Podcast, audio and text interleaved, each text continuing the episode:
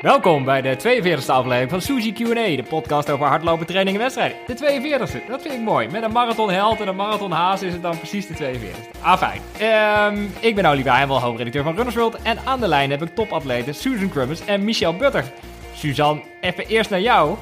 Last man standing in St. Moritz volgens mij. Jij loopt 4 oktober in Londen en eh, je bent dus bijna klaar om die bubbel te betreden. Hoe staat het met de vorm? Uh, het gaat best wel goed met de vorm. Ja, ik heb uh, goed getraind. Ik ben hier inderdaad al bijna zeven weken. Volgens mij ben ik er vandaag zeven weken. Dus dat is inderdaad best wel lang. Um, en ik heb even twee weekjes wat minder getraind. Maar nu de afgelopen week weer heel goed. Gisteren goede baantraining gedaan. Dus uh, nou, het is, is, natuurlijk wel allemaal een beetje gewoon op World Half gericht. Hè? Dus op de halve marathon in, in Polen.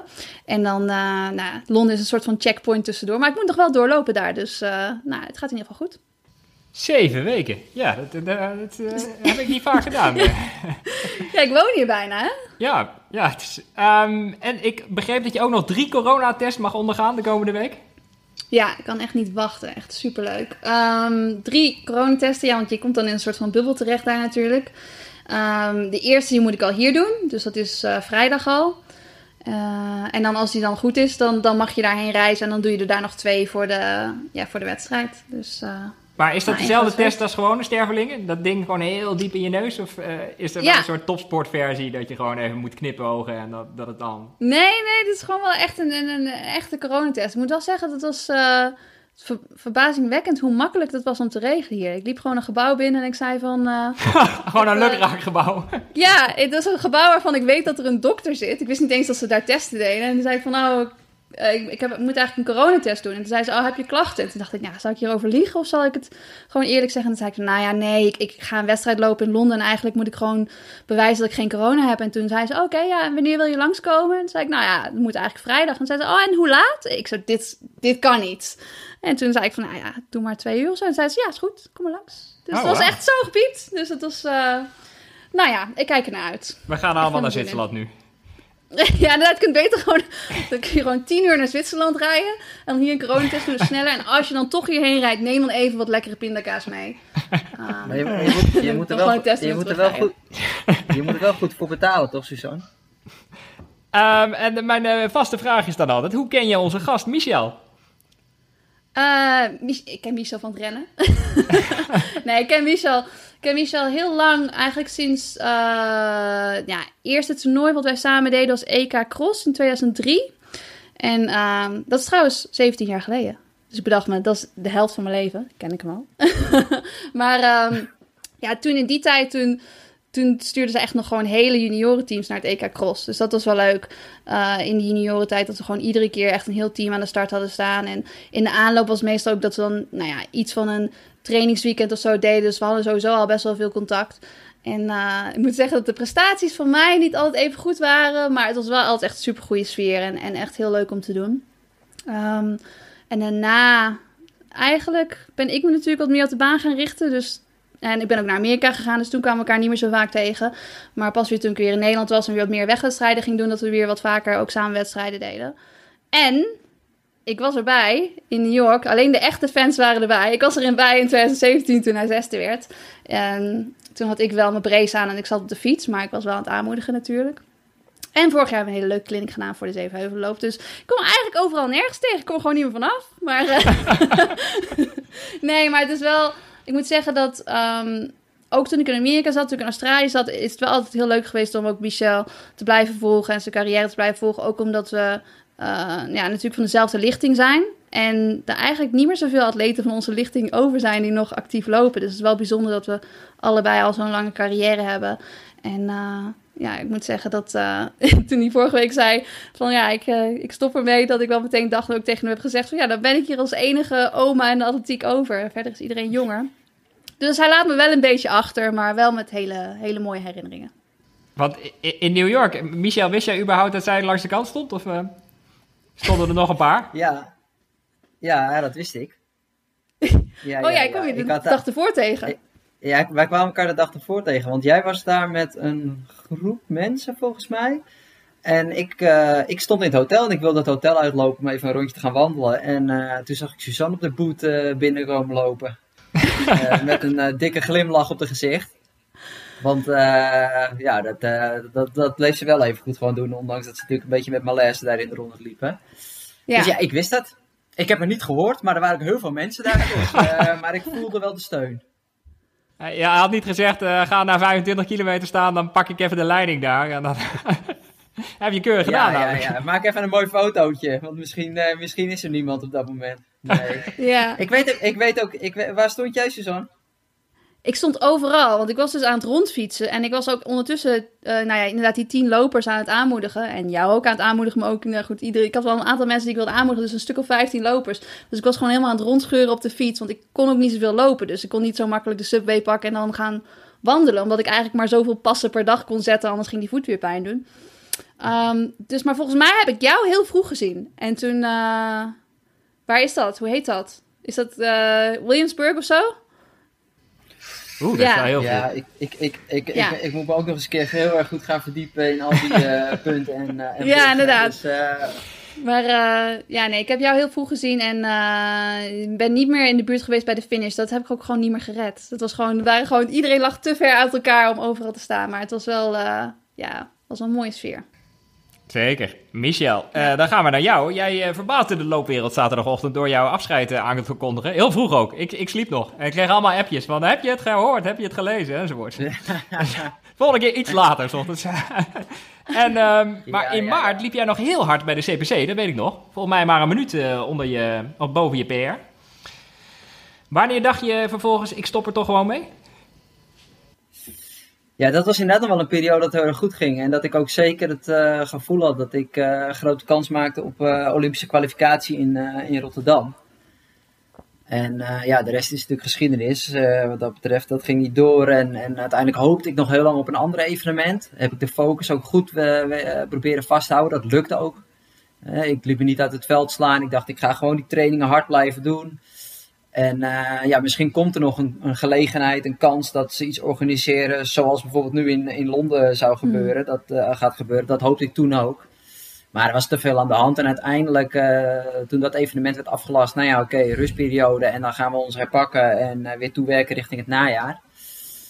Um, Alleen ja, toen kwamen er toch wel wat ja, veranderingen in die zin van, uh, ik voel toch wel de noodzaak om ook een beetje naar mijn tweede carrière te gaan nadenken. Omdat ik uh, toch, toch alle evenementen bij Bosje zag neervallen. En mijn eerste plan was om nog in Berlijn te gaan lopen. Nou, die werd ook afgelast. En op een gegeven moment ja, hoorde ik wel een beetje dat Amsterdam onzeker eh, werd. En nu Chicago werd afgelast, New York werd afgelast. Ja, en toen had ik wel het idee van, ik wil toch wel echt...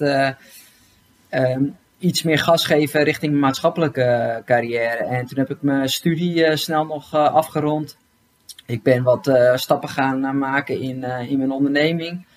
Um, ja, en ik merkte ook wel, ik, ik had voor het eerst in juni, of ja, juni, juli, dat het gevoel van, ik weet niet hoe lang ik nog door wil gaan. Gewoon zo'n onderbuikgevoel. Waarmee ik op de training kwam en, en Guido zei van, nou, volgens mij is er wat met je. En toen hebben we daar ook heel open over gesproken. En, en toen zei hij van ja, uh, ja, wat wil je nog? Wil je nog voor die, voor die Olympische Spelen gaan of niet? En ja, uh, uiteindelijk is altijd mijn droom geweest om met die grote major marathons of grote toernooien voorin mee te strijden. En uh, New York was nog niet zo lang geleden. Nou ja, tenminste onderhand alweer bijna drie jaar. Maar, um, en, en mijn niveau wat ik liet zien in de CPC, zeg ik terecht, uh, was ook alweer vrij goed. Uh, dus toen had ik zoiets van, nou weet je, ga er gewoon voor. En uh, inderdaad, uh, het is nog straks anderhalf jaar te spelen, dus waarom niet? Alleen ja, het kwam me gewoon niet meer zo goed uit. Het kwam er niet meer uit. ik merkte, ik was best wel hard aan het trainen nog. Wat extra alternatieve training daarnaast aan het doen. En tegelijkertijd was wel, moet ik eerlijk zeggen, mijn aandacht steeds meer iets aan het verspringen. Aan het springen naar het, naar het maatschappelijke. Uh, ik merkte dat mijn lijf wat meer ging tegenstribbelen. Dus ja, alle, alle ik was gewoon overal een paar procentjes minder aan het worden. En toen hebben we vorige week aan tafel gezeten. En de kaarten neergelegd. Zo van, ja, hoe staat het er nu voor? Ja, het was wel de conclusie dat ik, uh, dat ik er niet heel goed voor stond. Niet, niet richting de uh, Valencia Marathon. Richting de, richting de kwalificatiepoging. Uh, maar ook niet richting, richting mijn droom, wat ik nog graag zou willen. En dat is een topklassering op de Spelen. Uh, toen hebben we nog wel gezegd van, nou oké, misschien kunnen we hier nog gaan werken en hier en hier. Zoals topsporter eigen eigenlijk. Van dat je, ja, je, ik zeg niet zomaar vandaag ik kapper mee of zo. Je bent eigenlijk meteen weer bezig met oké, misschien moeten we dit nog even of dit. En als we nou die sessie doen, dan kunnen we goed kijken. En toen lag ik s'avonds in bed en toen ging ik weer nog een keer zelf nog eens die, die kaarten erbij pakken. En ik dacht, nee, dit, dit is het gewoon niet meer. Ik kan niet meer alle voorwaarden scheppen die nodig zijn uh, om uh, een topprestatie te leveren in, uh, in Tokio. En ik voelde ook gewoon dat, dat het klaar was. Gewoon, ja, het is een beetje een combinatie van, van niet meer denken dat je je droomdoel kan halen of niet meer denken dat je doel kan halen. In, ja, in combinatie met wat je er altijd allemaal voor doet. Hè? Ik, ik leef er altijd voor. Ja. Ik heb dat volledig met, met toewijding en, en, en vastberadenheid altijd gedaan. Um, sommige mensen verklaren me wel eens voor gek. Sommige mensen verklaren ons gezin wel eens voor gek. En uh, als je dan die kaarten gaat uh, neerleggen, dan denk je ja, en, en het moet nu niet gekker worden. het is nu gewoon beter om dan, het, het, maatschappelijke waar je het over had, dat is ook clinics, toch? Je, je geeft nu meer hardloopclinics. Ja, ik ben daar iets zichtbaarder in geworden en iets actiever in geworden. Dus het, uh, eigenlijk deed ik dat gedurende de carrière nooit zoveel. Omdat ja, het is trainen, eten, slapen. En daar wil je zoveel mogelijk tijd aan besteden. En, en vooral ook heel veel slapen, hè, Suzanne, en niks doen. uh, ik ben net wakker. ja, precies, Suzanne is net wakker. Ja, dat is voor, voor ons koffie. wel echt, echt cruciaal om, om allerlei afleiders te minimaliseren. En je echt te focussen op je sport, echt je fo te focussen op herstel. De kwaliteit van het herstel moet gewoon heel belangrijk zijn. Dus er zijn gewoon heel, heel weinig bijzaken in het leven. Um, nou ja, waaronder ook hardloopclinics of andere activiteiten. En ja, daar is nu gewoon meer ruimte voor. Dus uh, ja, het was min of meer misschien al een beetje te proeven in de afgelopen maanden. Dat ondanks dat ik had gezegd van nou, ik wil er nog wel voor gaan. Ja, dat, dat uiteindelijk de echte keuze daar nooit is in gemaakt. Ja, ik, ik sprak vanochtend een goede vriend van je. Ik uh, mocht hem uh, Edwin de V noemen van hem. Dus ja, ja. kom ja, niet helemaal anoniem houden. Wie zou het zijn? En uh, die vertelde dat jij je topsportmentaliteit ook echt meeneemt in je werkvisie. Dat je zegt dat dingen moeten consequenties hebben. En herken je dat? Dat je wel echt een topsporter blijft, wat dat betreft? Ja, dat denk ik wel. Ik denk dat dat wel mijn benadering is, mijn visie, hoe ik de komende jaren het bedrijfsleven in wil gaan. Kijk, hardloopklinics is één van de dingen. Ik ga op het gebied van hardlopen ook uh, nog wat andere dingen doen met Guido, met name online coaching. Uh, wij willen samen echt met het idee van het beste van twee werelden mensen gaan begeleiden. En dat kan van persoonlijke hardloopschema's tot en met echt meer coaching zijn. Dat zal denk ik ook. Ja, voor de luisteraars, uh, Guido is de trainer die jou uh, de afgelopen 20 jaar groot heeft gemaakt, toch? Ja, Zo vat ja. ik dat goed samen. Ja, ja, ja, ja zeker. Waar 20 jaar echt uh, intensieve samenwerking mee heb gehad. Wat ook uniek is, zo lang met iemand samen zijn. Um, het lijkt net of ik een relatie heb, zo uniek om samen zijn. Zelfs dat is uniek, 20 jaar met iemand. Oké. Okay. Um, en uh, maar mijn hoofdfocus zal wel meer gericht worden op. Uh, ja, ik, ik wil eigenlijk uiteindelijk consultant strategisch vitaliteit en performance management gaan worden. Dus vitaliteit en performance. Wow. En ja, een van de dingen is dat ik. Waar, waar ik al jaren mee bezig ben geweest, 20 jaar lang, is gewoon om op extreme manier fysiek en optimaal, uh, fysiek en mentaal elke dag het maximaal eruit te halen. En, el, en elke keer die daar een, een, procent beter in te worden. Ja, dat leidt natuurlijk door, tot topprestaties. Maar ja, in de basis geloof ik namelijk dat iedereen op zijn of haar manier topsport kan bedrijven. En, Jij ook, Suzanne? Ja, wij doen dat op een hele extreme hm? manier. Maar je kan ook kijken van nou, überhaupt van uh, normaal functioneren. Of op een normale manier uh, ja, je gewoon goed voelen. En, en ik denk dat ik die, die kennis die ik heb opgedaan en de ervaring en vanuit mijn studie, de wetenschappelijke achtergrond, dat ik die op een hele mooie manier kan combineren. En uh, ja, daar wil ik voor, me voor gaan inzetten. Dus eigenlijk wat ik altijd zelf heb gedaan en geleerd, wil ik nu graag uh, overbrengen op andere mensen. Is, de, is dat ook iets uh, wat jij voor je ziet, Suzanne, als je ooit stopt? Ja, zeker. Tuurlijk. Ik denk dat er gewoon te veel, je doet te veel kennis op, vooral als je zo'n lange carrière hebt gehad. om dat niet te delen, dat zou gewoon zonde zijn. Dus daar beginnen we al een beetje mee met via de podcast. Maar uiteindelijk wil ik natuurlijk ook wel meer tijd eraan besteden. Maar zoals Michel zegt, je moet wel genoeg tijd investeren in je carrière. Dus ik heb nu zoiets van, als ik nu wil blijven lopen, dan moet ik het ook goed doen. Maar uiteindelijk zal ik er wel dat soort dingen naast gaan doen, ja. Ja, Michel, als je zo'n carrière stopt, dan uh, moeten wij natuurlijk ook een beetje terugkijken. Dus dat gaan we ook doen. Ik, uh, ik probeer niet de allergeëikste momenten eruit te halen, maar, maar wel... Um, Wanneer wist je voor, hetzelf, voor jezelf, ik ben hier goed in? Of ik kan hier heel goed in worden? Wat was het eerste moment dat je echt dacht, wauw? Um, hmm, zit ik even te denken hoor. Ja, op een gegeven moment merkte ik wel in de juniorentijd. Ik, ik, ik heb altijd gevoetbald, hè, naast het. Uh, of tenminste, in eerste instantie heb ik altijd gevoetbald. En het is eigenlijk een beetje begonnen doordat ik met mijn ouders uh, een, een trimloopboekje opensloeg. Ik weet niet of jij dat nog kent, uh, Olivier. Dat, uh... ja, ja, zeker. Ja, ja, ja, ja. Ik vertel het wel eens bij clinics. Nou, er zitten echt mensen te denken van, waar heb je het in vredesnaam over? En zeker de jongere generatie. dit, maar ja. daar stond gewoon altijd een hele hoop wedstrijden in. Eigenlijk over de hele week gezien. En ja, mijn vader klapte die dan elk, elk weekend open. Of in ieder geval net even voor het weekend. Die, die belde de organisatie op van, hé... Hey, zijn er misschien nog bekertjes te winnen. Nou, en als die, er, als die er te winnen vielen, dan gingen we heen. Medailles, nee, dat was het niet. Uh, Je ging niet voor medailles? Ik ging niet voor nou. medailles, alleen voor bekers. Uh, voor, voor, voor, de fun uh, liepen we ook niet meer. Het, was, het ging gewoon meteen om de, de keiharde gouden, gouden standaardjes. Um, en dat is op een gegeven moment een beetje serieus gaan worden. En toen uiteindelijk ben ik bij Guido terechtgekomen. En het, het, het meer gaan trainen, serieus gaan trainen. Ik vond het echt gewoon fantastisch dat er mensen waren die twee keer per dag trainen en helemaal ervoor leefden en dan voor gingen slapen. Ik kwam uit een voetbalwereld, dus er ging, ja, er ging echt een, een wereld voor me open. En uh, het eerste moment was eigenlijk toen ik 16 was, denk ik, 17, 2003. Uh, toen liep ik 30-30 uh, op de 10 kilometer in de Groet uit en toen werd ik tweede. Toen zat ik in de eindsprint met Marcel Versteeg, die uh, toen wel een beetje op het einde van zijn carrière had, was, maar nog steeds natuurlijk uh, een goede loper was. En uh, ik zat voor een Keniaan, Sambi Chumba. Ik weet het nog. ik heb er een half uur over zitten praten tijdens de persconferentie, dus dat kan ik helemaal niet.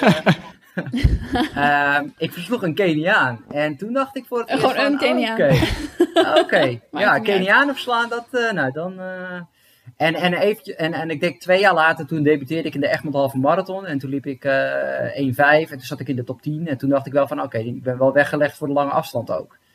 Dus ik, ja. ja, want ik ken over Marcel Verstegen het verhaal dat je halverwege vroeg, uh, gaan we wel hard genoeg. Maar ik ken dat verhaal ook over Koen Rijmakers. Eén van die twee heb je ooit gek gemaakt onderweg. Weet je dat nog of niet? Ja, dat was met Koen. Ja, dat was het Koen, de Cityloop. Ja, dat was, uh, ja, dat was natuurlijk een beetje bluff en een beetje rebels eigenlijk. En ja, een beetje uit de kast uh, lokken. Ja, ik, ik deed de hele tijd kopwerk toen tijdens die wedstrijd. En ik wilde graag ook een snelle tijd lopen, maar Koen deed niks. Dus ja, toen uh, zat ik hem een beetje te sarren. ah, mooi verhaal. Um, ik, uh, ik neem even een kleine sprong in je carrière. Want ik, ik las een mooi interview met je in uh, Runners World tien jaar geleden van uh, Wiebe Itzinga. En daar vertel je dat je in 2010 een beetje een motivatiedip had. Maar dat je niet herinnerd wil worden voor die dip, maar voor alles wat daarna kwam. Nou, dat is wel gelukt volgens mij. ik denk dat niemand je herinnert uh, aan een dip in 2010.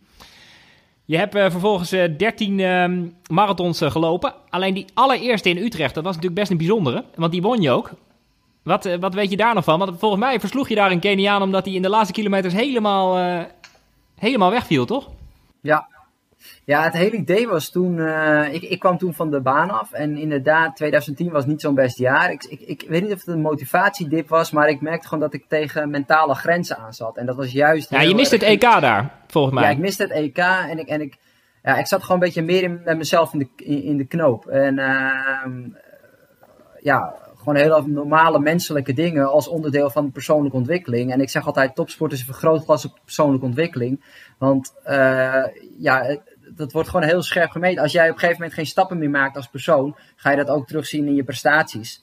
En dat is wat op dat moment eigenlijk een beetje bij mij gebeurde. Ik moest gewoon, ja, ik had gewoon iets meer zelfkennis, zelfinzicht nodig en ik moest daar stappen in maken. En de marathon heeft mij daar wel meer in uh, geholpen. Uh, en Guido leek het een goed idee om dat dan een beetje op een, ja, een, een, een ontspannen, leuke manier te doen in, in Utrecht. Dat is een initiatief geweest van, uh, ook met name van Laurent van Keulen, om dat alleen voor de Nederlanders te organiseren.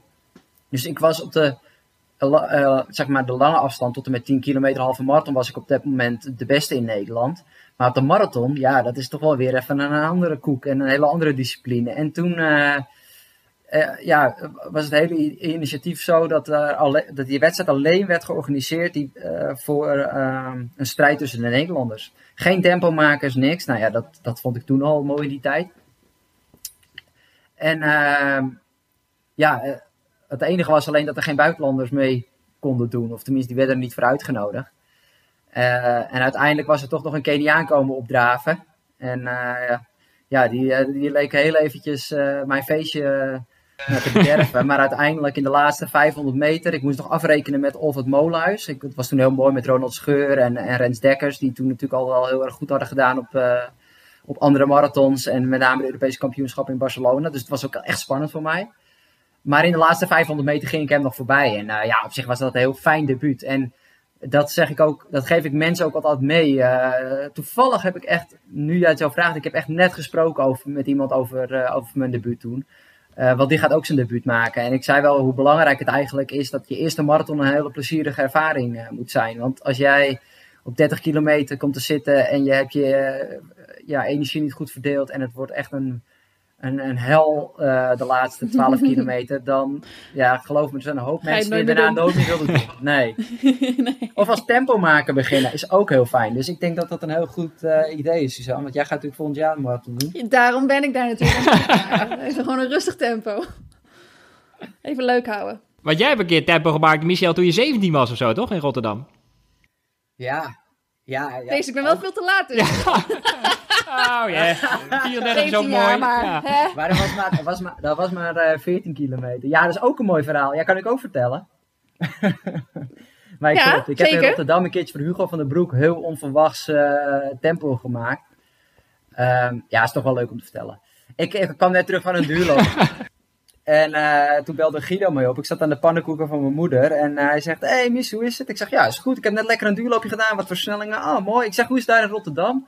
Ja, hartstikke leuk en uh, mooie sfeer weer. Het is toch een bijzonder zo'n marathon. Uh, ja, wil je misschien langskomen om Hugo te hazen? Ja, ik denk nou, even een buttetje weer in de maling nemen, weet je wel. Dat, die, dat, dat, daar ga ik mooi niet in Ik zeg, ja, doe. Ik neem nog een pannenkoek met stroop en veel plezier daar. En nee, hij meende het echt serieus. En nou, uiteindelijk op de trein gestapt. Nou, dat was een... Dat, dat heeft heel veel indruk op mij gemaakt. Gewoon de hele wereld, die mannen, die toppers ik weet nog wel dat ik uh, Gema Martinez, ken jij die nog, Suzanne? Gema Manuel Martinez. Volgens mij... Uh, nee, weet ik niet. Hij is nu uh, de, de, de, hoofdredacteur van de Spaanse Runners World. Ja, ja oh, afgetraind. En de aarde zag ik op zijn benen staan. En iedereen lag op matjes. En die, die, die, die, die, rust die er was, zo voor die marathon. En die spanning. En dan, uh, ja richting het startvak helikopters horen ratelen. En ja, als je dan 17 jaar bent en uh, je staat daar uh, tussen al die grote mannen, dat, dat doet wel wat met je. En zeker ook een reden geweest voor mij om, ja, om naar die marathon uiteindelijk over te stappen in misschien wel jonge leeftijd. Nou, we gaan kijken of Suzanne hetzelfde proces ondergaat. ben je al wel gewend aan helikopters volgens mij, toch? Ik ben wel gewend aan helikopters, ja. Ik denk ook wel dat het helikopters zullen zijn, want er zijn natuurlijk niet zoveel mensen. Nee. Het zijn vooral, nee, het zijn vooral camera's, dus... Ja, en uh, Misha, ik heb ook nog een persoonlijke herinnering. Want in 2012 werd je zevende in Boston. Miste je de Spelen net omdat je niet uh, aan de 2.12 voldeed, volgens mij. Alleen later dat jaar liep je 2.09.58 in Amsterdam. Stond ik op de tribune en gilde ik zo hard dat degene naast me vroeg of jij mijn broer was, omdat ik wel heel enthousiast was. maar ik ik zei, het is gewoon heel hard. Want op dat moment was het natuurlijk ook gewoon heel hard. Ja, nog steeds. Maar toen was je derde Nederlander, toch? Voor Abdi. Uh... Uh, ja, klopt. Ja. Ik was toen de derde Nederlander ooit die onder de 2-10 liep. Uh, Gerard, nee, Camille was natuurlijk het Nederlandse koor gelopen toen in 2008. Heb ik nog, toen was ik ook tempo maken voor hem, dus dat was, dat was hartstikke mooi. En Gerard oh. tweede en ik dan derde, ja. Maar had je toen al een idee dat je zo goed was? Ja, ja, ja. Wel, maar, ja. Nou, ik, ik wist gewoon dat Boston heel erg goed was. Dat had, had me heel veel vertrouwen gegeven. die, die editie was het heel warm en toen streed ik ook echt met de wereldtop mee. En ja, toen had ik wel het idee van als ik nu nog een stap maak, ga ik zeker onder die 210. het enige was alleen dat toen ik ochtends de gordijnen opendeed, toen eh, zag ik eh, die vlaggen strak aan eh, wapperen. Eh, dus het was gewoon een enorme harde wind. En dat was het enige wat me een beetje zorgen baarde. En dat is toch ook het lastige met die marathon. Hè? Het wordt, wordt, enerzijds wordt het ook wel vaak gekoppeld aan tijd, of aan strijd, en anderzijds eh, aan tijd. En dat is, eh, ja, het is nou helemaal niet maakbaar. En zeker niet eh, als het eh, een beetje omstandigheden zijn die afwijken van het ideale. Dus dat was het enige. Maar ik wist wel dat ik, Ja. dat, eh, dat, ik- dat ik daartoe in staat was. Ja, want in Boston heb je ook nog meer last van de wind, toch? Door het parcours. Volgens mij er één keer de afgelopen 20 jaar ontzettend hard gelopen omdat ze wind mee hadden. Maar over het algemeen heb je daar een beetje wind tegen. En dat is dan geen rondje, maar gewoon het hele stuk wind tegen. Ja, in Bo- ja eh, Boston is de wind was in Amsterdam, of niet? Wat zei je? Was, de wind was toch in Amsterdam? Was toch niet in Ja, Boston? ik heb het nu over wel? Amsterdam. Ja, ja, oh, oh, en Boston was gewoon heet en, en de wind was in Amsterdam. Ja, Ja, oké. Ah. ja, misschien, ga je- misschien ga ik te snel. in. Boston was het juist te mooi. nee, dat is prima. hey, en dan ehm, ehm, in 2013, dat is volgens mij wel een beetje een keerpunt, toch? Want dan ga je in Kenia trainen en dan word je misschien wel heel fanatiek. Ja, eigenlijk, ik, ik, eh, in 2012 heb ik toen op een gegeven moment die beslissing genomen om naar Kenia te gaan, eh Kaptagat. Ehm, ik wilde graag weer een nieuwe impuls in mijn carrière. Ik, eh, ik ben altijd op zoek gegaan naar inspiratie en uitdagingen. En eh, ergens eind 2011 zat ik met Michel Boeting en eh, mijn, mijn manager en dan Guido Hartensveld. En jouw bijna naamgenoot, denk ik, voor de luisteraars. Maar het is Boeting en Butter, toch? Ja. Ja. En hij, hij is al, altijd al manager geweest van een, groep Kenianen. En hij had daar een kamp. En ik zei van ja, het lijkt mij heel erg mooi om daar een keertje met die jongens eh, mee te gaan trainen. En misschien wel te gaan leven. Nou, toen gingen we dat doen. En toen zijn we ergens in december volgens mij daar, daar naartoe te ga- gegaan. Ehm, maar ja, dat was wel eventjes... eh, even schrikken wat ik daar aantrof. Want eh, dat was... eh, nou ja, die jongens die maakten al het grapje van hier kan je niet doortrekken op de wc. Dit is gewoon poep in een gat. Douchen met, eh, met koud water. Het eten was elke dag eh, hetzelfde. Maar toch op een of andere manier dacht ik van ja, maar hier moet ik gewoon zijn. Als je, eh, ja, als je rugbyer bent of een voetbalplayer, dan ga je naar, naar Australië toe of, of Nieuw-Zeeland. Dus je wilt tafeltennis en je wilt daar iets meer met de wereldtop doen, dan, dan ga je naar China. Dus ik dacht van ja, dit is het hardloopmekka. Ik was altijd al onder de indruk van Kenia zelf. En hoeveel atleten daar om zes uur 's ochtends in de rond liepen. Dus dacht ik moet, hier me, ik moet me hierbij gaan aansluiten. Dus dat heb ik in 2012 gedaan. En uh, nou ja, uh, en in 2013 inderdaad kwam ik weer terug. Ja, toen ik eenmaal die 2.9 liep, was voor mij het eerst volgende doel, was het Nederlands score. Dat is ja. het enige wat in mijn hoofd zat. Want ik moest, ja, ik moest nog anderhalf minuut sneller. En, en ja, ik liep in Amsterdam en ik had het idee van dat uh, hier zit nog wel meer in. Dus als ik nu nog een stap maak, dan, uh, dan gaat dat misschien wel lukken. En ja, dat heb ik gewoon met iets te veel overgave gedaan, laat ik het zo zeggen. Dus ik ging in, in, de, in de eind december 2012 ging ik daar al heen. En daarna in, uh, in januari keerde ik weer terug. En ik heb daar gewoon echt ja, te hard getraind snoeihard getraind. En het was heel inspirerend en het was uh, fantastisch uh, om, om voorin mee te doen met die Kenia. Dus al die mannen die normaal altijd voor me zaten, ja, daar kon ik, die kon ik nu bijbenen. En sterker nog, met een fartlek, ja, dan eindigde ik voorin. Die was toen nog niet zo heel bekend, maar ik eindigde voorin met Elliot Kipchoge en Emmanuel Mutai en uh, Bernard Kipjego en allemaal mannen die tot de wereldtop behoorden. Alleen, ja, achteraf gezien was dat gewoon niet zo verstandig. Want uh, ik weet dan wel dat Renata Canova uh, toen tegen mijn trainer zei, uh, toen ik geblesseerd, tegen Gilles zei toen ik geblesseerd raakte, zei, ik kan hem zelfs een beetje nadoen, zei hij, what do you think? Huh? This guy is coming from the sea level and is coming to altitude and is training with these guys, huh? What do you think? nou, ik denk op zich dat er en, en, in veel topsportcarrières wel even een fase zijn dat je te veel doet, toch? Wat zeg je? Dat je het bijna nodig hebt als topsporter om ook even te kijken waar je grenzen liggen, dat je er een keer overheen gaat. Suzanne, dat jij hebt dat ook wel gehad, toch? Dat je de spelen... Je moet wel fouten maken om, om te weten wat wel kan natuurlijk. Ja. Dat is, dat ja. is wel, ja. Anders dan weet je het niet, hè? Nee, klopt, klopt. En je gaat ook af en toe een keertje die grens een beetje over. Alleen, uh, ja, nou, als je een, een lange, hele lange carrière wil hebben, dan moet je er wel een paar keer onder blijven. En dat is me gelukkig ook heel vaak gelukt. Veel vaker zelf, want anders had ik uh, niet twintig jaar lang dit kunnen doen. Alleen op dat moment uh, was op de, ja, op de bravoure en op ja, gewoon die geweldige inspiratie, ja, ben ik toen de hart van stapel gelopen. Nou, hey, goed. In, in, 2015 had je dat eigenlijk weer helemaal achter je gelaten. En uh, miste je de Spelen. Op acht seconden gaan we het nou niet over hebben. Maar uh, waar we het wel over gaan hebben, is dat er toen een prachtige documentaire is gemaakt. De mooiste marathon. En dat was voor mij een reden om toch eens de marathon te gaan lopen trouwens. Dus dank je wel daarvoor. Oh, maar heb je hem zelf wel eens uh, teruggekeken, of niet? nou, ik, krijg, ik vind het dus wel bijzonder. Want ik krijg dus heel veel reacties nog op die documentaire. En, en nu weer natuurlijk, omdat ik mijn afscheid had aangekondigd. Ik heb hem zelf één keer gezien. Uh, oh. En ik ga hem nog wel een keer kijken.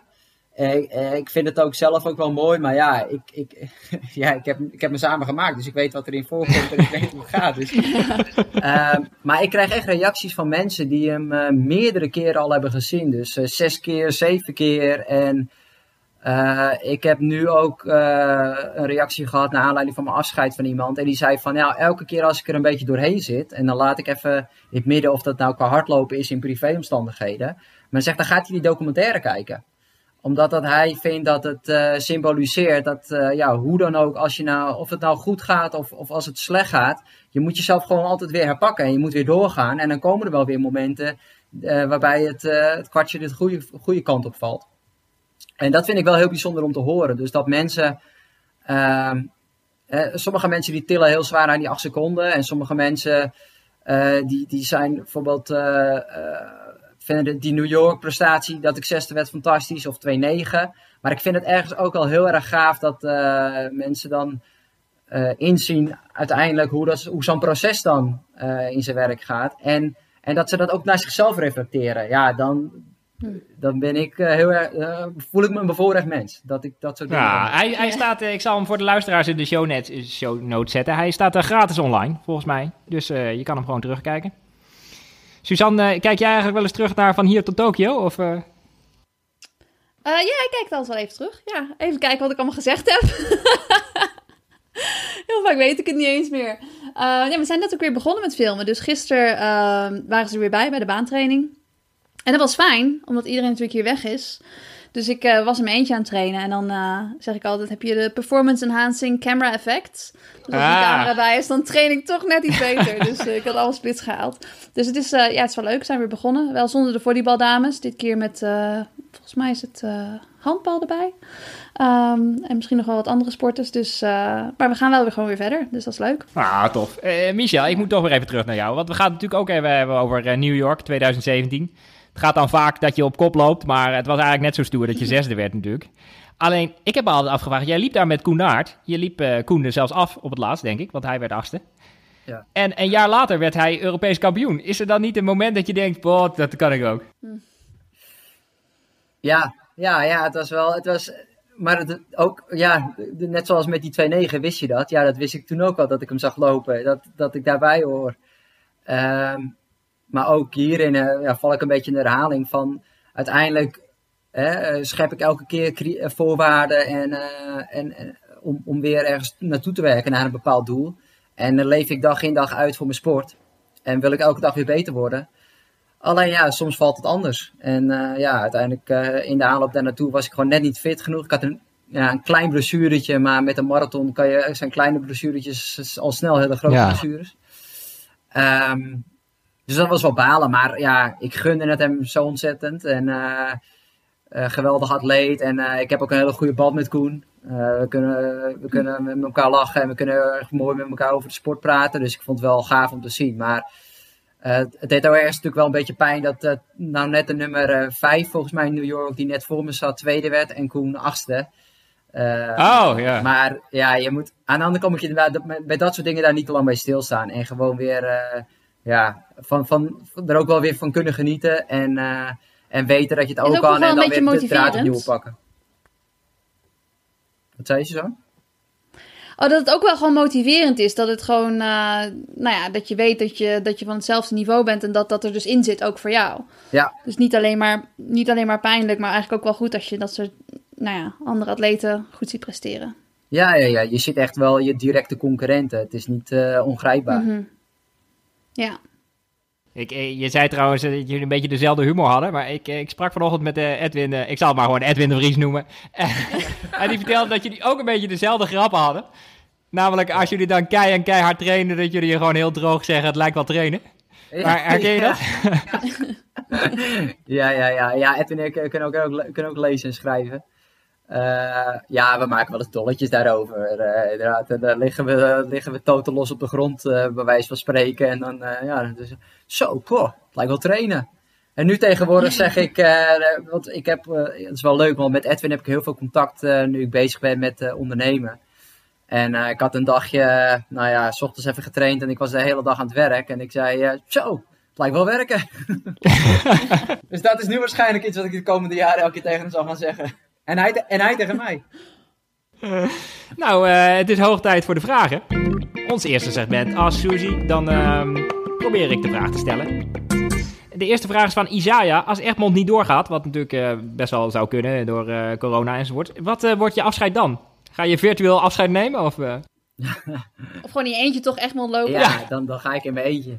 Nee, ik, denk, ik, heb, ik heb daar nog niet zo heel erg over nagedacht. Maar ik zou me zo kunnen voorstellen dat ik dan uh, met een, een, groep mensen ga lopen. Uh, hè, niet met duizend mensen, maar met wat minder. nee. Tenminste, ik verwacht niet dat er duizend komen ook. Jawel joh. Oh ja. Jawel. Ja, je weet het niet. Uh, nee, maar dan zou ik wel met een uh, gezelschap zeker nog uh, een, een, mooie halve marathon willen lopen. Of een duurloop of iets in die, in die trant. En ik hoop het natuurlijk niet. Ik hoop dat het doorgaat. En ik weet ook dat Egmond er aan alles doet. En niet alleen voor mij, maar ook voor heel veel andere mensen. en het zou wel heel fijn zijn als dat allemaal samenkomt. En er zal ook iets van een, een receptie of een afscheid gaan komen. En ja, het zou heel fijn zijn als dat allemaal wel, wel door kan gaan. Ja, begrijp ik. Maar ik ga het niet hey, plaatsen, want het wordt alleen maar moeizamer, denk ik, dan uh, qua... ja, je moet wel ergens binnen de komende tien jaar afscheid nemen. Ja, ja anders duurt het wel heel lang. ja. We krijgen heel veel vragen wat je plannen nou zijn natuurlijk. Ik, ik zie een vraag over of je ultras gaat lopen, of je triathlons gaat lopen. Ja, ga je, ga je nog een beetje lopen? Of, uh... uh, nou, triathlon moet ik eerst nog even mijn A-diploma gaan halen. Uh, ultra's. Ja, ultra, ultra's. Mm, het, het, heeft me nooit echt getrokken, ultra's. Dus, maar misschien kan dat uh, veranderen. ik zou wel bijvoorbeeld een keer een jongvrouw lopen, maar dat is niet echt een ultra, hè? Dat, dat lijkt ja, ik, ik, ik, tel hem goed, ja. Nee, je marathon, doet er wel lang over. Jongvrouw marathon, dat is een marathon. Uh, of ja. de Two Oceans Marathon, wat dan weer geen marathon is, maar wel zo heet. ja. Die is volgens mij 50 Ja, zeker een ultra. Ja, maar verder dan dat uh, denk ik niet. En het zou ook zomaar kunnen dat ik uh, gewoon uh, me lekker bezig hou bij de, met de korte afstanden. En ja. Want je, je, gaat wel 10 kilometer lopen en zo. Want ik zou er een beetje tegenop zien als topsporter dat je dan 10 kilometer loopt in zeg 34 minuten. En dat er dan iemand net voor je eindigt die dan van de daken schreeuwt dat hij van Michel Butter heeft gewonnen. Of zou je nee, daar overheen kunnen zetten? Ja, maar dat ga ik denk ik ook niet doen. Nee, nee, nee. nee. Dus ik ga niet, ik... gewoon hele andere afstanden. Gewoon horden gaan lopen of zo. Ja, ja. Weet dat... je zeker dat het ook een PR wordt? ik, uh, ik ben van plan om, uh, om, om zeker te blijven lopen. Uh, en ik wil daarnaast ook wat meer gaan fietsen. Ik heb me inmiddels aangesloten bij Noord-Hollands Bestgroep. Soort, misschien de luisteraars weten dat dat van Laurens ten Dam is en Nicky Terpstra. En nou ja, goed, die, zeker Laurens ken ik al een tijdje. En nou ja, ik vind het gewoon mooi om een beetje te fietsen. Ik ben afgelopen zondag voor het eerst mee geweest. Nou, dat, echt, dat leek net of ik voor het eerst ging autorijden. Ik moest, uh, we moesten door Mulzand en nou, dat is zo technisch allemaal. Ik was continu aan het nadenken en dan moest ik de gaten weer dichten. Dus uh, ik hoop dat het de komende periode wat beter gaat. maar dat lijkt me wel, dat lijkt me gewoon heel erg leuk. fit blijven en ja, ik zal, ik zal zeker gaan lopen en fietsen. Maar je zal me niet heel snel, ik denk het eigenlijk niet, na Egmond uh, terugzien in, in, de, in de wedstrijdsport. En misschien dat ik veel meer ga doen uh, met het begeleiden van mensen, bijvoorbeeld bij evenementen. Dat zie ik nog wel zitten. En ja, dat ik dan misschien een keer meedoe. Oké, okay, maar uh, je zal mij niet in volledig. Je kunt toch iemand hazen of zo die, die je dan coacht? Ja, bijvoorbeeld dat. Ja. Misschien kan ik jou hazen.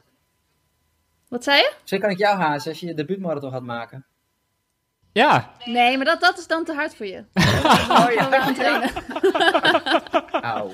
Dat gaat je niet lukken. Oh. Oké. Okay. Um, okay, ik, ja. ik had nog een leuke vraag van Rob Viveen. Uh, wie was je voorbeeld toen je begon? Oeh. had ik eigenlijk niet echt, wat ik me kan herinneren. Ik had niet echt, ik vond gewoon de sport wel heel mooi. En ik vond wel... eh, Die gouden beker is heel mooi. Ik, gewoon, eh, ik, was gewoon, ik ging gewoon voor de, voor de bekers en later voor de euro's. Nee. ehm, nee, ik denk niet dat ik direct iemand kan noemen waar, die een voorbeeld was. Maar ik gaandeweg, eh, toen ik met name in Kaptekat in 2012 kwam, toen, was, ja, toen raakte ik wel enorm geïnspireerd van eh, Elliot. Gewoon de manier hoe hij... eh, Ja. Kijk, wij, wij noemen het allemaal topsport, hè. En wij hebben daar allerlei ideeën over. Dat je, je moet bepaalde voorwaarden creëren om prestaties te kunnen leveren. En een bepaalde mindset. En je moet om kunnen gaan met tegenslagen. Maar in Kenia, ja, als jij met de definitie topsport komt, dan zit je echt met grote ogen aan te kijken van, heb je het in vredesnaam over? Dus, eh, het is gewoon hun leven. En alleen bij Kenianen, heel talentvolle mensen, alleen discipline is echt enorm laag. Ehm, en als je dan naar Elliot kijkt, die had gewoon, heeft gewoon discipline, de innerlijke rust, de focus, de concentratie. Wat hij altijd deed tijdens wedstrijden. Hè. Dus als, hij is een paar keer echt wel onder druk gezet. Bijvoorbeeld in een eh Berlijn marathon, ik weet even niet, door een Ethiopiër. En dat hij dan toch de rust bewaarde en later weer terugkwam. Ja, voor mij is dat gewoon de ultieme topsporter. En eh, ja, die gewoon heel goed begrijpt hoe die moet presteren en hoe die ja, die innerlijke rust kan bewaren en hoe die om kan gaan met, eh, met de druk en met de tegenslagen. Dus, dus ja, eigenlijk sinds 2000, toen in 2012, toen is hij een beetje mijn, eh, mijn voorbeeld eh, geworden. En ik had wel altijd dat ik, ik keek niet tegen de Kenianen op, alleen het was voor mij wel een richtpunt. Dus, dus ik zag ze niet echt als, als voorbeeld, maar wel dat ik dacht van, ah, die wil ik wel echt heel graag uiteindelijk verslaan. Want dat was naar mijn inziens wel, eh, het waren wel mijn lotgenoten, maar ook Ja, wel de grote top. concurrenten. Ja, ja, dat begrijp ik. Eh Suzanne, ik heb een vraag voor jou. Ehm, hoe eh, gaan de voorbereidingen op eh, Londen en speelt je Achillespees nog een rol? Ja, nu begin ik weer te twijfelen of het je Achilles of je hamstring was, maar... Nee, het is mijn Achillespees. Nee, ja, Achillespees die speelt altijd een rol. Nee, maar het gaat eigenlijk best wel goed. Achillespees is wel onder controle. Eh, toen ik hierheen ging, toen dacht ik eigenlijk van... nou, waarschijnlijk ga ik geen baantrainingen doen. Dus ik, ik loop wel, zeg maar, voor op dat schema. Dus het, eh, nee, het gaat eigenlijk goed. Alleen, eh, ja, dat, dat, die, eh, die pacing job van Londen, die wordt steeds zwaarder gemaakt. Hè? Want eerst zeiden ze van... Doe maar 2,23 tempo. En iedere keer weer als ik iemand van de organisatie spreek of Nick erover spreek, dan is het weer van, oh, we moeten toch nog weer een paar seconden vanaf. En inmiddels zitten we op de 2,22. Dus ik weet niet waar we uit gaan komen. Maar eh, ja, hoe sneller het wordt, hoe minder lang ik natuurlijk ga lopen. Want ik kan tot, eh, nou ja, ik mag tot 30 door, maar ik ga natuurlijk niet tot 30 door. Ja, maar ik heb net begrepen dat Michel op zijn op zijn 17e al 14e. Dus ik, ik vind 14 wel echt een minimum voor je. Ja, dat is waar. Maar Michel zei ook van als je de eerste marathonervaring, dat je die wel leuk moet houden. En ik denk dat ik eh 2,22 en dan 30 kilometer ga lopen. dat dan ik heb jij nog geen marathonervaring Dus dan gehad, ga ik natuurlijk... 30, zei je? dat is, ja, op dat tempo, het is moordend hoor, maar 30 is geen marathon. Nee, dat weet ik ook wel, maar ik ben daar natuurlijk ook niet voor getraind. Dus het is wel, eh, ik heb geen marathontraining gedaan. Ik heb zelfs, ik moet zelfs zeggen dat het mijn training meer op 10 kilometer training dan halve marathontraining nu lijkt. En dat ik voor New York bijvoorbeeld eerder dit jaar, dat ik veel specifieker echt halve marathontraining heb gedaan. Alleen, ja, toen ging het ook wel weer mis met mijn Achillespees. Ik zeg niet dat het daardoor komt, maar nu wil ik gewoon geen risico's nemen. En nou ja, ze zeggen wel dat het doorgaat, maar je moet ook nog maar weer zien dat het doorgaat. Dus ik vind het toch wel moeilijker om dan echt alles te geven zoals ik dat normaal voor een toernooi zou doen. Dus het is wel een klein beetje met de handrem erop. Ehm, en een beetje voorzichtig met de Achillespees. Maar ik ben wel blij met de training. Het gaat wel Maar is, Ja, want het gaat nu sneeuwen. Dat is op zich wel goed voor je Achillespees, toch? Beetje zacht en zo. We kunnen meteen, meteen ijzer en rennen. Ja, oh god. Oh, Eh, ja, nee, het gaat vrijdag... eh, vrijdag gaat sneeuwen. Ik heb vrijdag ook een threshold op het programma staan. Hey, vinken we af. Eh, dus hopelijk niet in de sneeuw. Dus eh, nou ja, het is nog, eh, nog een weekje hier. En het is natuurlijk dat, ik- dat ik dan alleen ben en dat ik dan nog die laatste training alleen moet doen. Dat is natuurlijk minder. En dat, dat zijn wel de momenten dat je dan soms wel eens denkt van... eh, nou, ik wil nu gewoon beginnen met wedstrijden lopen. En, en ik heb wel weer genoeg getraind. Maar ik denk uiteindelijk dat als ik in Londen ben en straks in Polen... dat het wel de moeite waard is. maar is dit wel, is Ik heb, dit wel nog één mag ik het vragen, Oliver? Is dit, is dit wel voor jou Ja, echt eh, het idee van, nou, ik wil eens wat van die marathon gaan proeven. Ik wil eens gewoon ervaren hoe dat is en of het überhaupt iets voor me is. Of dat je echt het idee hebt van, nou, ik wil dit doen om volgend jaar eh, of over twee jaar te debuteren. Nou, ik heb niet, niet een, een marathon op de planning staan, maar ik heb wel altijd gedacht van... Het lijkt me goed om een keertje een marathon te hazen, om gewoon nou, te kijken hoe dat circus eraan toe gaat. En natuurlijk zal het nu niet het, hetzelfde idee van een marathon circus zijn. Maar uh, ja, ik denk dat als je een keertje een marathon wil gaan lopen, dat je daar wel eerst ja, een soort van gevoel bij moet hebben en er echt enthousiast over moet zijn. En nu denk ik alleen maar van, oh, dan moet je hele lange duurlopen doen. Weet je wel, dat is, ik heb nu nog niet dat, dat hele enthousiaste gevoel van een, van een grote marathon erbij. Um, en daarnaast is het ook zo dat ze me eigenlijk ieder jaar vroegen of ik daar wilde hazen. Alleen ik zit altijd in flexdef, dus het kan dus nooit. Dus ik had zoiets van, ja, nu moet ik die kans gewoon pakken en hazen. En, en er zitten ook een paar trainingsmaatjes van mij in de groep. Dus dat is wel, uh, ja, dat vind ik wel leuk, omdat ik natuurlijk ook normaal met hun de trainingen doe. En nou ja, vorig jaar hebben ze zich ook voorbereid op, op de marathons. En eigenlijk heb ik heel veel trainingen samen gedaan. En uh, nou, nu kan ik een keertje ook bij zijn als ze de marathon zelf gaan doen. Dus ik hoop dat ze het uh, goed doen en dat ik goed haast. dat ik goed vlak tempo loop. Ja, mensen, ik mensen heb nog een vraag voor jullie allebei. Mensen zullen je heel dankbaar zijn. Ik bedoel, hazen is wel, ik vind dat wel echt een mooie, ja, soms beroep van een mooie functie. Dat je mensen kan helpen uh, naar een mooie tijd. Uh, ja, inderdaad. En juist op die marathon voel je hoe belangrijk dat is. Ja, ja dus ik... daarom, uh, daar, ik voel de druk ook hoor.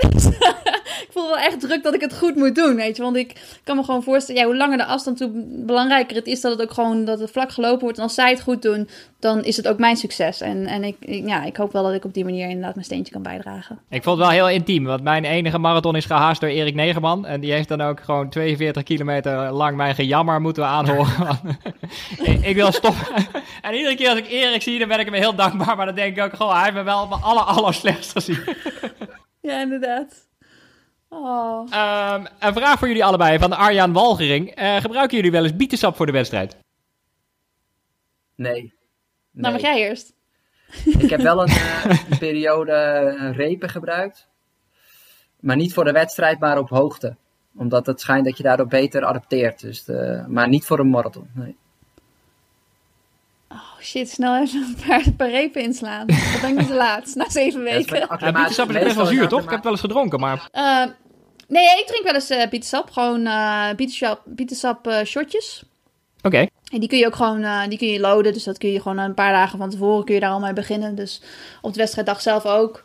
Um, ja, ik doe het, maar ik heb niet zoiets van als ik mijn bietensap niet mee heb, dan kan ik niet goed lopen. Maar ik heb ook zoiets van ik heb er geen last van, dus ik doe het gewoon. En ik denk ook wel dat het, hoe korter de afstand, dat je het, ja, dat je wat meer risico's neemt met wat je in je maag stopt. En dat hoe langer de afstand, ja, als je daar last van gaat krijgen, dan uh, is dat bij een marathon natuurlijk niet zo handig. Nee, dat is waar. Um, en nog een uh, praktische vraag voor Michel. Wat is het absolute hoogtepunt van je carrière, volgens jou? Je viel even weg. Ik hoorde alleen volgens jou. Oh, en wat is het absolute hoogtepunt van je carrière? New York, ja. Oké. Ja, ja, ja, ja. ik hoop dat ze nu ook gewoon dat nummer instarten. Pa, pa, pa. ja, dat gaat ze doen, hè? Mooi. Ja, New York. Uh, alle puzzelstukjes vielen toen gewoon samen. En uh, de, uh, de voorbereiding was uh, goed, wederom goed. Ik, had, ik heb wel een aantal andere marathons dat ook op die manier ervaren. Maar ehm, de marathon was goed. En of uh, tenminste, de voorbereiding was goed. En op de dag zelf, uh, de tactische beslissingen die ik nam, die waren, uh, die waren ook op de juiste momenten. Dus elke keer als de kopgroep demareerde, wist ik me rustig te houden. En met het idee van, oké, ik blijf mijn energie sparen, ik blijf mijn energie sparen en het komt wel goed. Ik hou wel contact met de groep. Ik heb ook wel een paar keer misschien weer even aan moeten zetten om erbij te komen. Maar elke keer weer, ik denk dat het al drie keer is, dat er drie echt wel harde demarages hebben plaatsgevonden. Um, dus het was een wijs besluit, maar ook wel een besluit. Ja, ik kon ook niet mee hoor. Dus dat was ook. Uh, maar er gingen, toen echt, er gingen toen ook een hoop jongens mee met die, uh, met die demarages die er uiteindelijk de tol voor moesten betalen. En toen ik op 35 erbij zat, het moment dat eigenlijk wat veel, veel, mensen zeggen de marathon echt gaat beginnen. Ja, dat komt omdat je dan natuurlijk. Suzanne al lang weg is, ja. ja, dan lig ik alweer in bedje dat, dat de marathon echt, uh, echt gaat beginnen als het gaat om uh, dat energievraagstuk. Van ja, wie heeft er nog wat in de tank? Ja, dat wist, toen wist ik op dat moment wel, toen ik om me heen keek, van nou, ik heb nog wel even wat meer energie in mijn tank dan een aantal anderen hier om me heen. Ja, in combinatie met de hele entourage eromheen natuurlijk. En we gingen toen vijf kilometer voor de einde, werd er echt hard versneld. En ik denk dat ik op dat moment nog iets van uh, ja, negende liep of zo. En uiteindelijk uh, ja, zesde en, en vrij kort toch ook op het podium. Dus dat was wel, voor mij kwam alles op dat moment wel samen. Ja, prachtig. Uh, ik krijg nog uh, een mailtje van uh, Michiel Meulemans. Die, die feliciteert je eerst met je carrière. Heel veel mensen trouwens. Eindeloos veel mensen die zeggen bedankt Michel en zo. Maar dat zal ik nu in één keer afdoen. Iedereen is je dankbaar in ieder geval. Niet alle namen. Doe even alle namen. Maar Michel die vraagt, of Michiel die vraagt... Jouw ehm, adrenaline, komt die nu op een andere sport tot uiting, denk je? Of worden de potjes Monopoly op zondag met het gezin er, er niet gezelliger op? Ik speel wat van die mentale spelletjes, weet je wel? Dat ik gewoon precies weet waar ik mensen op hun zwakte kan pakken. je lacht er ook heel enthousiast ja, ja, ja, dat vind ik wel leuk. Ja, ja, ja, ja. Ik vind het, uh, ja, het mentale gedeelte, dat is, nou kijk, iedereen kan wel op, uh, heeft wel fysieke talenten. En ik denk dat er veel meer nog fysieke talenten zijn uh, dan, dan ik, of misschien zelfs dan Suzanne. Maar ik denk wat ons juist zo goed heeft gemaakt is en zeker nu we allebei 34 zijn, is die, ja, die mentale vaardigheden die we hebben opgedaan. En de taaiheid die we, die we, die we nu hebben. Uh, jarenlang dat, uh, dat hebben ontwikkeld. En uh, dat zorgt er ook voor dat je wel ook andere mensen beter kan lezen. En ik, heb ook, ik heb ook een heel mooi team ge gehad. Met ongeveer, ik denk dat er wel 100 atleten de, de revue zijn gepasseerd.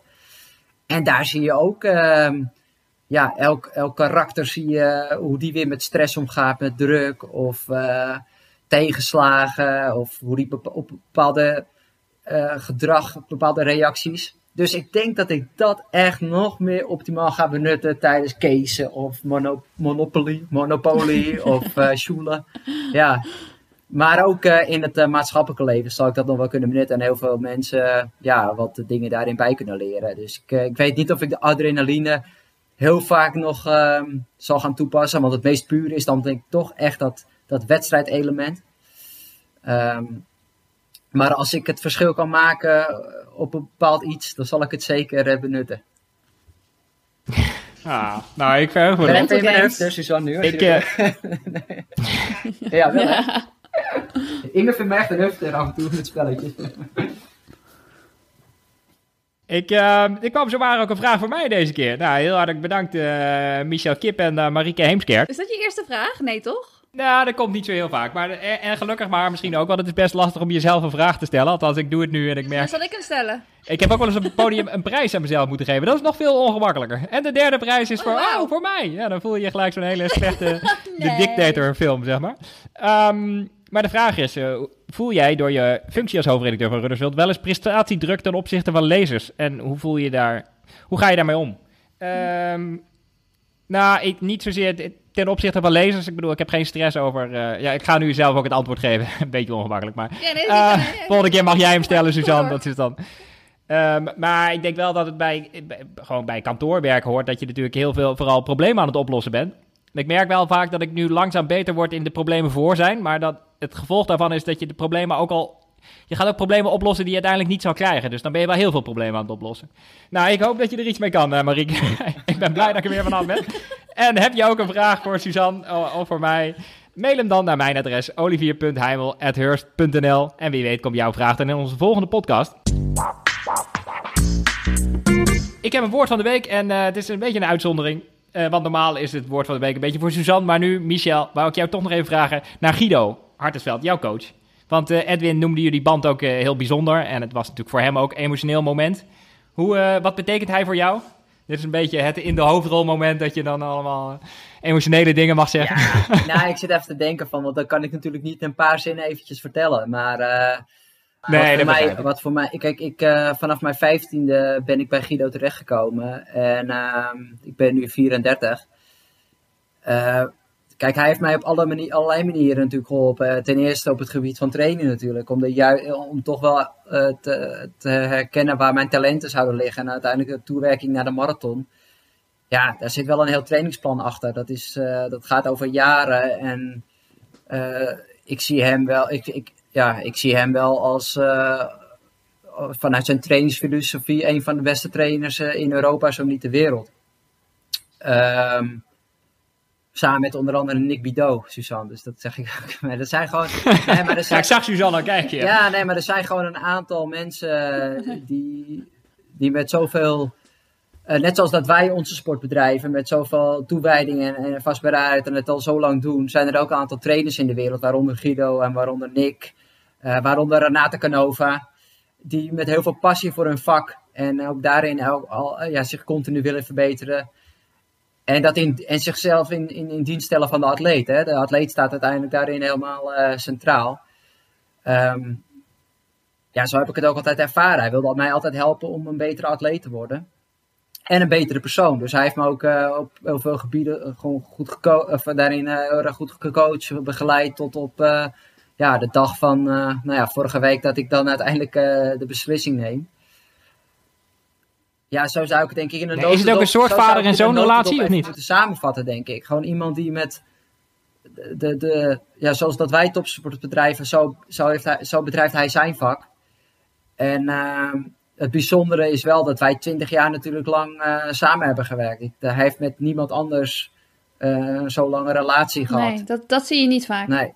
En ehm, ik denk ook dat we altijd heel erg kritisch naar elkaar zijn geweest. En dat maakt het misschien ook wel juist heel erg sterk. Dat we geen blad voor de mond, direct zijn geweest. eh, er niet omheen draaien. En uiteindelijk altijd weer gekeken hebben naar nieuwe, ja, nieuwe mogelijkheden om, eh, om te verbeteren. Denk je dat hij met jou is, zeg maar, is, want je ziet inderdaad niet vaak dat je vanaf junior tot helemaal tot het einde van je carrière met dezelfde coach werkt. Denk je dat hij zijn coaching met jou veranderd is? Dat hij zeg maar is meegegroeid ehm, door de jaren heen? Of denk je dat het gewoon altijd hetzelfde is gebleven en dat het gewoon steeds beter is geworden?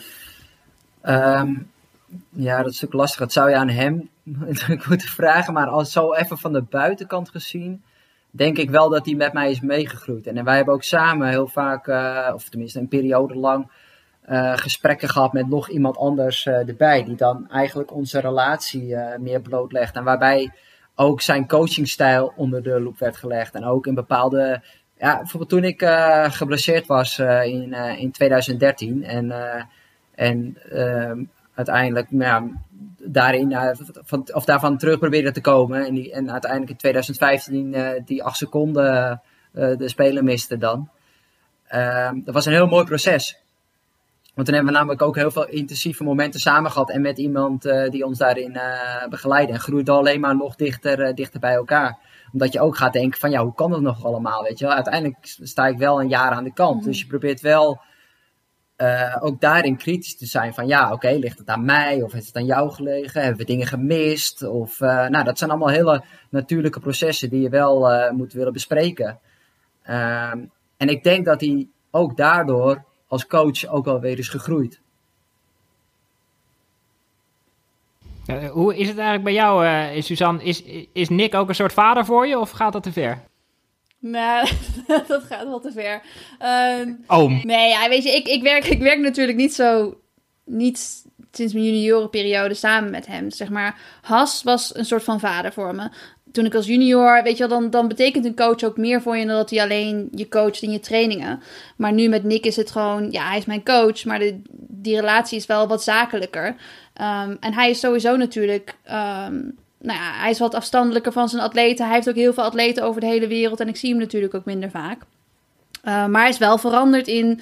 En wat, wat Michel ook zegt van Guido, dat er wel dingen veranderd zijn als er iets niet goed ging. Uh, ja, Nick heeft ook wel dingen bij mij veranderd. Dat het, ja, het is niet, het is niet uh, my way or, or, the highway. En zo was het vroeger bij hem en met heel veel atleten die hij heeft, die hij heeft gecoacht wel. Um, maar hij ziet ook wel in dat hij soms met mij dingen anders moet doen. En dat is wel mooi dat je, dat, dat je daar pas na een paar jaar achter komt. Maar dat je daardoor wel nog steeds beter wordt. Dus dat is wel. Onze relatie is, is wel heel goed als, als coach en atleet. En die wordt ook echt alleen maar sterker. Dus ik weet wel dat ik gewoon bij hem echt op de beste plaats zit. Dus dat is wel uh, het belangrijkste natuurlijk. Dat je dat vertrouwen ik hebt. Denk ook dat het, ja, ik, ik denk ook dat het belangrijk is dat je het ook wel zakelijk moet kunnen blijven zien. Want ondanks dat ik Guido al twintig jaar kende, hebben we wel altijd gezegd van ja, het is natuurlijk wel moeilijk, want je deelt toen ik op een gegeven moment bekend maakte dat uh, Inge, of we moet ik wel zeggen, bekend maakte dat we zwanger waren van de eerste. Ja, dat, dat deed wel echt mm -hmm. enorm veel met hem. En uh, ja, ik, ik, ik sta ook heel erg dicht bij zijn gezin en wat hij allemaal meemaakt natuurlijk. Dus je hebt wel ergens een hele hechte band, maar tegelijkertijd uh, zijn we altijd ook wel heel erg kritisch geweest. En toen hebben we ook, hebben we ook altijd gezegd van, ja, uiteindelijk moet onze vriendschap daarin eh, niet in de weg staan in, in onze keuzes, of in jouw keuzes, of in mijn keuzes. Uh, dus je heb je ooit op het moment gestaan? Wel, uiteindelijk was ik, ben ik er ook wel. Ik ben niet twintig jaar bij hem gebleven, omdat het nou ook. Uh, het is een heel leuke en aardige fan. maar het is niet de reden waarom, nee, het is niet de reden waarom ik zo lang bij hem ben gebleven. Het is wel echt de reden dat ik gewoon. Uh, dat we gewoon continu daar wel. ja, op een goede manier, op een zakelijke en professionele manier ook hebben samengewerkt. Wat heb je ooit op het punt gestaan om bij hem weg te gaan? Of heb je wel eens met andere mensen gesproken? Of? Uh, ik, heb, ja, ik heb wel eens met andere mensen gesproken. Uh, maar ik heb nooit. Uh, uiteindelijk eh, heb ik dan altijd. kijk, een van de dingen is dat we altijd op zoek zijn gegaan ook naar nieuwe prikkels. Dus op een gegeven moment dat ik, ik naar Kaptegat ging ik bij Patrick Sang dan trainen. Ja, ik volgde niet het schema van Guido, maar het schema van Patrick Sang. En met Guido overlegde ik heel erg veel over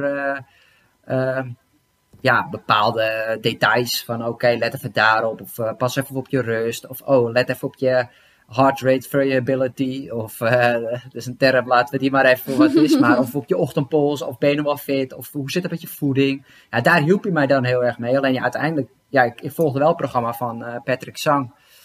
Uh, ja, er zijn ook wel eens momenten geweest dat ik tegen hem zei van, nou, ik wil eens even kijken hoe het uh, daar... Ik ben wel eens naar Team New Balance Manchester geweest om daar eens te kijken wat ik daarvan vond.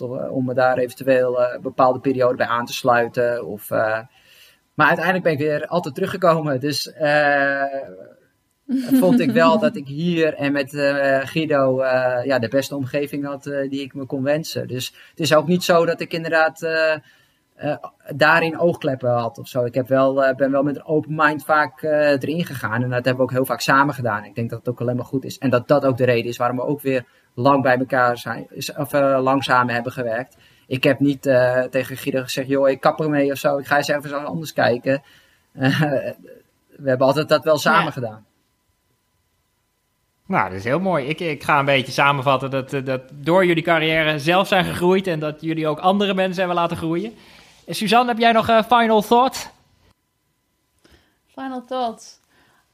over dit onderwerp. Nou, ik weet wel dat Nick altijd zegt dat hij. Het is natuurlijk belangrijk dat je coach je goed kent. Maar je moet ook niet te, niet te comfortabel zijn met je coach, zeg maar. Dus het moet ook niet zo zijn dat als je coach iets tegen je zegt. Um, wie zei dat nou ooit? Volgens mij was het een tennis of zo. Zo van als je coach, als je zo met je coach omgaat, als je zo dicht bij je coach staat dat het net is alsof je coach je broer is of zo. Dan, ja, je luistert ook niet altijd naar je broer. Als je broer je iets vertelt, zeg je ja, is goed. Is, weet je wel? Ja, ik dan wel, maar. Ga ik meenemen. Jij dan wel. Dus als je, er, als, je er te, ja, als je er te dichtbij staat of te comfortabel, dan, dan luister je er ook niet meer naar. Dus als, um, als Andrew bijvoorbeeld met mij meefietst met een training en hij, en hij zegt dat ik, dat ik iets niet goed doe of zo, dan soms denk ik van ja, maar ik ben gewoon moe. Dat kan gewoon niet, weet je. Maar als Nick dat tegen mij zou zeggen, dan zou ik het meteen aanpassen.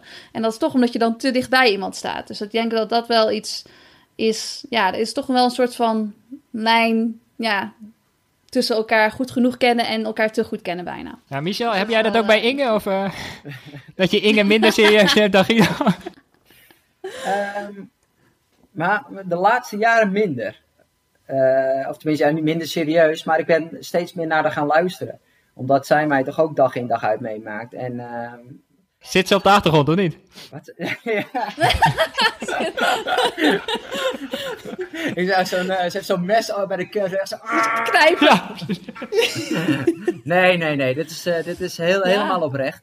Um, dat ik ook steeds uh, meer ja, wel naar, naar haar ben gaan luisteren. Het is, het is, het is wel lastiger. Je, hmm. je eerste zeg maar, verdedigingsmechanisme is wel zo van ja, uh, ik doe toch alles goed. Of, uh, hè, maar ik heb altijd ja. geleerd, ook in de jaren van 2010, dat je, mag, je mag gerust overtuigd van, zijn van jezelf, maar wees niet te vaak eigenwijs. Hè? geloof in je eigen kunnen, maar luister ook naar anderen en, en ben open-minded. En ik vind dat je dat naar de, zeker naar de mensen in je omgeving moet zijn die je goed kennen. Want die hebben uiteindelijk het beste met je voor. En uh, als die iets zeggen, dan, uh, ja, dan moet je dat wel of ter harte nemen of in ieder geval heel goed met elkaar over hebben. En ik denk dat dat alleen maar goed is. Ah, nou, zo, zijn wij helaas aan het einde gekomen van deze 42e aflevering van Suzy Q&A. Dank um, Christabel, onze technicus van Dag en Nacht Media. Dank Michel en Suzanne. Eh, ook namens Suzanne, blijf luisteren en lopen.